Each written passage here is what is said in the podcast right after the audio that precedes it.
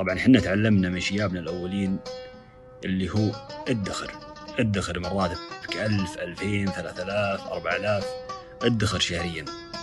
هذا هذه الثقافة أنا أشوف أنها خطأ. الاستثمار هذه الأيام مرتبط بأشياء كثير. الواحد يقدر يستثمر فلوسه في الأسهم أو الصناديق الاستثمارية أو العقار أو حتى العملات الرقمية والفن الرقمي. ببساطة إذا عندك فلوس فيه ألف من يبي ياخذ. يا هلا. أنا مازل عتيبي وهذه السلسلة المالية من بودكاست أشياء غيرتنا من إذاعة ثمانية الوضع كان مختلف زمان لا كان في أسهم ولا بنوك على الأقل في بداية المملكة وكلمة استثمار نفسها يمكن ما كانت موجودة في قاموس أشخاص كثر. وحتى لو كنت من الناس اللي كانت تفكر بالاستثمار فالخيارات كانت محدودة. أول هالخيارات هو شيء كلنا نعرفه. هي لما يستتب الآمن وتبدأ الدولة في بناء مؤسساتها يبدأ النشاط نقول لك العقاري. انتقال الناس من القرى للمدن كان له أثر على سوق العقار والسكن. وأسعار العقارات تضاعفت بشكل سريع لأن السوق ما كان قادر يغطي الحاجة. الموظفين في المؤسسات الحكومية يحتاجون سكن جو من أقطار أخرى. فأكيد أنهم طبعا يبحثوا عن وحدات سكنية قريبة من أعمالهم فما في في خلينا نقول الدور أو خلينا نقول إذا كنا نقول إنها شقة أو وحدة سكنية اللي كانت ولنفرض إنها ب 500 ريال صارت 2000 ريال لأن الطلب أعلى من العرض. وانتعاش السوق العقاري في بعض المناطق كان مرتبط بمشاريع حكومية زي التاب لاين في شمال المملكة. عرعر رفحة آه، وغيرها كانت بلدات صغيرة جدا جدا قرى صغيرة جدا. كان أهاليها في مدن قريبة منها كانت إلى حد ما أكبر من البلد عرعر وأكبر من رفحة لما مرت تاب لاين وضعت الإسكانات ووضع مركز صحي ووضع مستشفى ونادي إلى آخره. تكوموا حول المجتمع. المجتمع. أي المجتمع وصار في وظائف. يحرس هذا كذا وهذا يعلم كذا وهذا إلى آخره. فبنيت مدن جديدة. لما بدأت الناس تقبل على العقار وشرائه صار في حاجة لخدمات تسهل لك هذا الشيء. ومن هنا بدينا نشوف ظهور مكاتب العقار في المناطق والأحياء المختلفة. الاستثمار العقاري رغم أنه في الغالب كان يعتمد على بيع الأراضي السكنية والبيوت أو التأجير بس تفرع منها أشكال مختلفة زي الأسهم العقارية واللي كانت تسمى مساهمات. وإعلاناتها كانت تملى الصحف في فترة من الفترات. بي بي بي يفتح مشروع. يروح يقول أنا أخذت مثلا 500 ألف مساحة خلينا نقول مليون مثلا متر. آه، في المنطقة الفلانية. فمن يريد آه، يعلن بإعلان بالصحف أو عبر طرق الإعلان الأخرى أنه والله اللي بيساهم فيها. إحنا شريناها من فلان في مبلغ مثلا ريال المتر. والمساهمة يدخل مثلا بريال ونص إلى آخره مثلا. المتر. المتوقع الأرباح بإذن الله دراسات من دراسات جدوى زي نتوقع أنه تكون الأرباح يعني إذا أنت دفعت مثلا ريال أنت بتأخذ آه، آه، أربعة. للمتر إي مثلا يعني. فيقبلون عليه يساهمون هو يعلن في الجريدة ويقبلون يساهمون. طبعا هو مو قادر يشريها كلها ولا كان يشريها ويكسب فيها كلها لكن هو مو قادر وهذا اللي يصير كثير. لما بدأت الأمور تتنظم ومع تأسيس البلديات ومكاتب التخطيط الحكومي صار العقار استثمار مهم والبعض صار يحاول يكون علاقات في البلديات ومكاتب التخطيط عشان يعرف الأحياء اللي بتتخطط من بدري عشان يشتري أراضي هناك قبل الناس ويبيعها بعدين بسعر أغلى.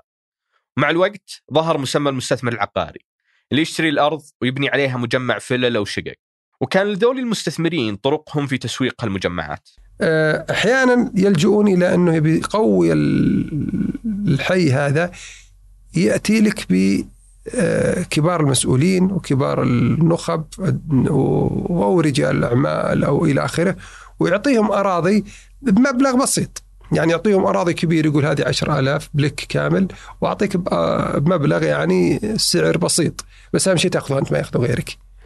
فلما يجي المسؤول الفلاني ومثلا الرجل الأعمال الفلاني يصير يعني يصير الحي يعطيه صبغة نخبوية. والله أنا ساكن مع الحي الفلاني لأن عليه صبغة. أيوه. فيتفاخرون فيه.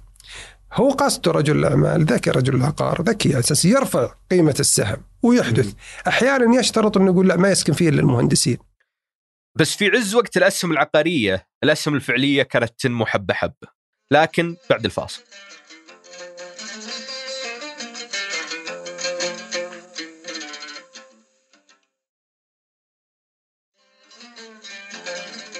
قبل الفاصل كنا نتكلم عن العقار وكيف تحول إلى أهم طرق الاستثمار في المجتمع السعودي. كيف إن الأسهم رغم إن البعض يظنها شيء جديد كانت موجودة في ثلاثينات القرن العشرين. الأسهم والشركات المساهمة في ذيك الفترة كانت تصير من خلال المعارف الشخصية وعلى مستوى صغير جدا. وفي بحثنا عن تاريخ هذه الشركات في المنطقة طحنا على قناة الأستاذ عبد المجيد الخريجي في اليوتيوب واللي كان فيها مقطع يتكلم عن هالموضوع بالتحديد.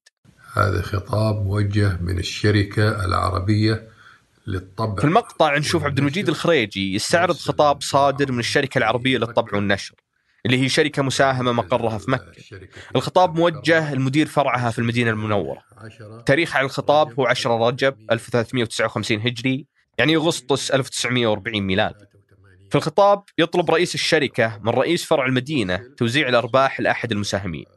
ووقتها شبكة البنوك والتحويلات شبه معدومة، فكان التحويل يتم عن طريق التجار والمشايخ المعروفين. حولنا لكم اليوم على المشايخ عبد العزيز ومحمد الخريجي مبلغ 22 غرش سعودي مقابل أرباح سهوم الشيخ عبد الله أبو عزة فنرجو اعتماد استلام المبلغ المذكور وتسليمه للمساهم المنوه عنه وبعث سند الاستلام. زمان كان شراء الاسهم في الشركات يتم على مستوى التجار وأصحاب المال اللي يدخلون شركات مع أصحاب المشاريع مقابل أسهم ونسب. والموضوع كان ممكن يصير في جلسة خاصة واجتماع. بس يوم زاد اهتمام التجار الثانيين بموضوع الأسهم تنوعت طرق البيع. كان يعني زي ما قلت لك حوالي 14 15 شركة وكان التعامل ما يخضع لأي رقابة حكومية. وكان يتم مباشرة عن طريق العرض والطلب بين البائع والمشتري اتصل عليك اشوفك أقول تبي يعني عندك اسهم في آه، مثل البنك الاهلي عندي ألف ببيع اياه كم؟ هلا مجرة. واتفاق بيني وبينك ولا عن طريق مكاتب العقار. كانت مكاتب العقار آه، في موجودة ذاك الوقت. على الثمانينات بدأ عدد الشركات المساهمة يزيد وصار لازم يكون في تنظيم أفضل لهذه الشركات. ومن هنا بدأت الحكومة في تقنين البيع والشراء عشان يصير عن طريق البنوك وكله تحت إشراف مؤسسة النقد. وصار اللي يبغى يبيع ويشتري الاسهم يروح البنك يفتح محفظة. وكان في صالات بس هذا بعد الخمس لأن عام 85 ما كان في تداول قليل التداول لأن الناس ما كانوا يعرفون حتى ما كانوا يعرفون آه، أكثر مقتصر على زي ما قلت لك حتى إلى 85 كان مقتصر على التجار. بس المشكلة أن أسعار بيع الأسهم ما كانت موحدة ولا كان يحكمها سوق وطلب قد ما كانت قدرة الشخص على الإقناع. أنت يمكن تشتري تشتري أنت الحين أسهم واحد ب 30 ريال. بينما غيرك رايح بايعها ب 40 في واحد ثاني. لأن ما كان في ما حد يعرف ما في منصة معينة تشوف كل البائعين وتشوف سعر موحد. عرفت شو أقصد؟ حتى أحيانا تاخذ وقت على أساس تحول الأسهم باسمك. ما هو مثل الآن. استمر تسجيل وشراء وبيع الأسهم بشكل يدوي إلى نهاية الثمانينات حتى أدخلت الأنظمة الآلية. لكن ما زالت فكرة شراء وبيع الأسهم محصورة على فئة معينة من الناس. بينما العقار كان شيء كل الناس متقبل إنها تستثمر فيه. متى تغير هالشيء؟ الدكتور محمد يقول إن في حدث في نهاية الثمانينات زاد من وعي الناس بالأسهم شوي. كانت الراجحي بنك وشركة خاصة وطرح على الببليك على الناس كلهم. تجيب آه، حفيظك ولا البطاقة فيها أربع أطفال خمس أطفال و ويعطونك أسهم على عدد الأفراد العائلة اللي عندك. مثلا 100 10 أسهم لكل لكل شخص موجود في الحفيظة ولا مجرة. لذلك حتى اللي ما عرف عن الأسهم عرف لأنه يجي واحد يقول أوكي تستخدم الحفيظة حقك ولا أستخدمها عنك؟ حتى كانت الأسهم تباع في السوق. السوداء قبل حتى يستلمون الناس شهادات. مثلا أنت عندك مضمون لك 10 عندك 10 أطفال وكل طفل فرضا أنا نسيت العدد اللي مخصص. كل طفل مثلا كل شخص 10 يعني 100 سهم يجيك واحد يقول يلا السهم كان قيمته الاسم قيمته الظاهر 100 ريال. يقول لك باخذ منك ب 110 120 اشتروا قبل تستلم شهادك أصلا يشترون منك. ومع أننا لا نزال بعيدين عن هبة الأسهم اللي بنتكلم عنها بعد شوي الا ان الأسهم بدأت تظهر في أماكن جديدة أماكن غير الشركات. المقصف كانت عشان تشغلوا المدرسة ويمروا من تعليمات من الوزارة إنه خلاص تفيدوا الطلاب وتشغلوهم وتشغلوا مقصفكم إنه يعني بالأول بداية السنة تجمع من الطلاب اللي يبي يساهم في المقصف يدفع المبلغ وبآخر السنة نوعدوا إنكم نعطيه من الأرباح. طبعا أنا كنت صف رابع ابتدائي بدينا بالمقصف، المقصف كان أستاذ عبد الله الغامدي الله يعطيه العافية كان موجود وكان الاستاذ عبد الغامدي يدخل علينا يقول يا شباب من اللي بيشارك في المقصد فكان الاستاذ كنت أسأل الأسئلة الأستاذ عبد الله الغامدي صراحة تعبت في الأسئلة. طيب متى بترجع؟ متى بعد كم تعطوني؟ إيش بيجيني؟ كذا. فكان يقول بيجيك يعني حدود ال 20 ريال 30 ريال فائده وكذا. من جمعهم للمبالغ هذه من الطلاب هم بيأمنوا مسألة في البداية الأولى بس يأمنوا مسألة السندوتشات والفطائر والشطائر والعصيرات وكذلك يأمنوا راتب العامل اللي في المقصف. أجمل شيء لما يجي نهاية السنة ويجي الأستاذ عبد الله الغامدي يدخل علينا وكذا يا شباب ترى المقصف كذا تعال شكري الطالب فلان يعطيكنا أرباح. طبعا أنت تشوف الناس اللي ما أيدوك وعارضوك عيونهم تكبر. okay؟ لأنك أنت اللي قاعد تأخذ الربح حصلت تدافع تعبك وجهدك. okay؟ فهم بعضهم يندم إنه ما شارك معك يعني. okay؟ وسبحان الله الأيام تروح بسرعة. بعيدا عن سندوتشات البيض والكبدة. لو بنرجع لسوق الأسهم العادي فالوضع كان مستقر خلال فترة التسعينات. وكان الشراء والبيع لا يزال محصور في مجموعات معينة. استمر هالشيء حتى بداية الألفية. بعدين في عام 2001 تم التحول إلى التسوية اليومية.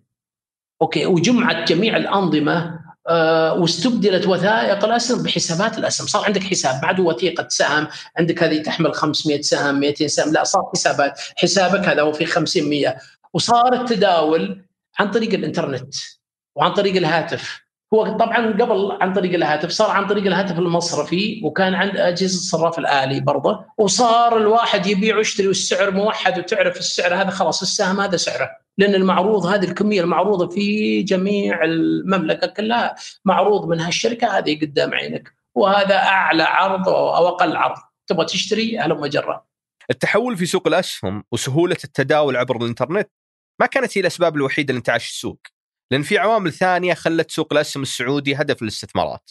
في 2001 صارت أحداث 11 سبتمبر الشهيرة في أمريكا.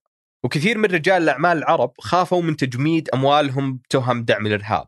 عشان كذا نسبة كبيرة منهم سحبوا فلوسهم من أمريكا واتجهوا للاستثمار في عدة أماكن ثانية ومنها السوق السعودي.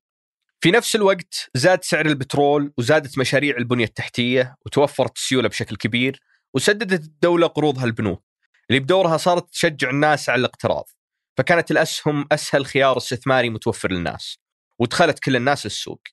الناس حصرك من كل جهة من كل جهة. يعني زميلك في العمل واقف قاعد مع اللابتوب ويبيع ويشتري. تروح لزميلك في الاستراحة نفس الشيء. اللي يجيك في المجلس نفس الشيء. اللي ذا كل كلمة حديث الناس في الأسهم حاصرك أنت رجل ما لك خبرة فيها ولا لك معرفة ولا هي خطك حقيقة. فكل حاصرك ما تدخل مجلس إذا مالك في الأسهم الله يعينك المجلس آه، سالفة غير وأنت غير. التوجه لسوق الأسهم كان مدفوع بقصص الثراء السريع اللي يتناقلونها الناس. كيف إن الأسهم ممكن تخليك مليونير بين يوم وليلة. في يوم معك 500 ألف بعد أسبوعين إلا هي صايرة مليون مليونين ما تدري يمكن أكثر وهذا ترى خلى الناس تجري وراء الثراء السريع كثير من الشركات كانت تطرح اسهمها في السوق بهدف كسب أكبر قدر من المستثمرين اللي يركضون وراء الاكتتابات. بس كثير من هذه الأسهم كانت أقرب البيع الوهم. يا رجل في شركات أنا ما بجالس أذكر أسماء ما تسوى. ما في ما يمكن مقرها ما يسوى لها 100000 اسهم تباع ب 3000 4000 الدكتور محمد في ذيك الأيام قرر يسوي تجربة عملية مع طلابه وطلب منهم إنهم يقيمون شركة من الشركات اللي موجودة في السوق بناء على معايير علمية عشان يحددون سعر السهم العادل. ويقول إنه واحدة من هالشركات اللي قيموها كان سعر سهمها العادل 200 ريال. بينما وقتها ما أنسى الشركة كانت تتباع بحوالي 650 قال يا دكتور شلون هذه أنت الحين تقول لنا على حسب التقييم اللي تورينا تقول 200 ريال وهي 650 قلت هذا اللي الشركة تسوى تسوى 200 ريال. لكن السوق overvalued السوق آه، آه، مرتفعة قيمه أكثر بعدة مرات من القيمة الحقيقية للشركات.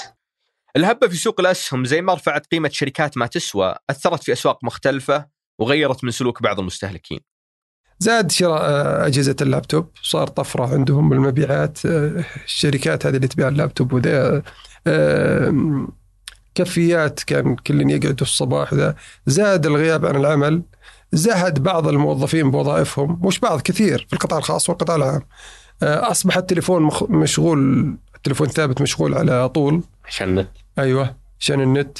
آه، أصبح آه، أصبحت تشوف في البنوك ناس تيجي تقعد في الصالة. مو رجال أعمال كبار ولا لا لا مو مثلا صارت كبار العملاء لا لا. صار تشوف ناس من أواسط الناس ماديا وإن كل الناس سواسية لكن من اوسط الناس ماديا تلقاهم مالين الصالة وبيعوا أسهم. إيه، وبيعوا أسهم. تشوفوا وعرفت الأحمر والأخضر ولا السوق أخضر. إيه، السوق أخضر السوق أحمر وطماط وخيار والعبارات هذه. جنون الأسهم والكلام عنها في كل مكان خلى الصغير قبل الكبير يفكر في الأسهم. مثل بنت الدكتور محمد اللي جته يوم تطلب منه أسهم. قلت وش اسهم؟ قالت يقولون أسهم أنا ما أدري بس هي مع زميلاتها في رابعه ابتدائي. قالت أسهم. قلت شلون تبغين تشترين؟ قالت يا أبغى أشتري. عشان احس تصور إدارة السوق كانت تحت مؤسسة النقد وقتها. لكن يوم زاد المستثمرين في سوق الأسهم صار لازم يكون في جهة حكومية مستقلة مسؤولة عن هذا السوق. 2003 صدر قرار إنشاء هيئة سوق المال وتم تعيين أعضاء هيئة سوق المال 2004 الهيئة هدفها تنظم السوق المالي تصير هي المسؤولة عن السوق. بدل ما كان تحت آه، آه، إدارة مراقبة الأسهم في مؤسسة النقد حطوا له هيئة كاملة. عام 2003 طلع القرار وعام 2004 تم تعيين الأعضاء أعضاء الهيئة. مع تأسيس هيئة سوق المال في 2004 صدرت تشريعات تحاول تقليل النمو اليومي لمؤشر الأسهم وتمت معاقبة مستثمرين وأفراد كانوا يضخمون أسعار الأسهم بشكل كبير عشان يبيعونها بأرباح خيالية. كل هالأمور كانت الهيئة تعمل على مكافحتها. بس في أقل من سنتين على تأسيس الهيئة جاء اليوم اللي ينحفر في ذاكرة كثير من السعوديين. مشاهدينا تراجعات حادة نراها اليوم. الانهيار كان زي ما تقول سكوت. في 26 فبراير 2006 وبعد ما وصل المؤشر السعودي إلى 20 ألف نقطة في اليوم اللي قبله بدأ مشوار الهبوط وتبخرت أحلام وثروات ملايين الأشخاص اللي دخلوا السوق. كان في موجة ذعر جماعية والكل يبيع عشان يغطي خسائره ويطلع من السوق سالم. واستمر المؤشر في الهبوط حتى وصل في نهاية 2006 إلى 7500 نقطة. أكثر من نصف قيمة السوق تبخرت. خلال فترة الانهيار ذي طلع رئيس هيئة أسواق المال على التلفزيون السعودي لأول مرة من تعيينه. عشان يطمن الناس ويقول إن هذه مجرد موجة تصحيحية والسوق بيرجع. لكن للأسف هالشيء ما صار. برضو آه، استمر الانهيار استمر الانهيار وتضرر كثير. وكذا زي ما ذكرت لك المنابر تحدثت آه، أساتذة الدراسات القناه الفضائية أصبحت يعني تستقبل أو تستضيف آه، أساتذة دراسات علم النفس علم العلم الدراسات الاجتماعية يحكوا عن يعني يتحدثوا عن أثر. الحدث يعني. يقول لي عنده عميل يقول كان العام الماضي رصيد 2600 مليون أو 650 والله نسيت وش قال لي زي كذا. ويقول السنة هذه يقول مديون ب 50 مليون.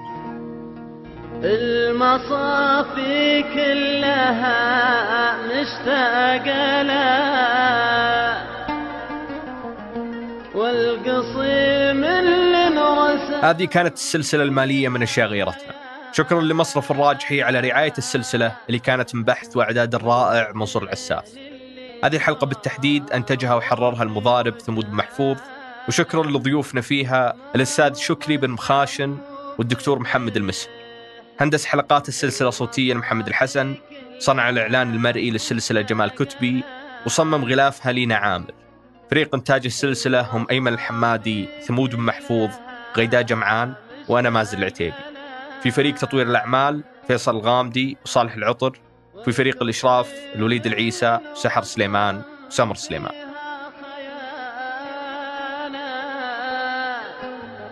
واللجين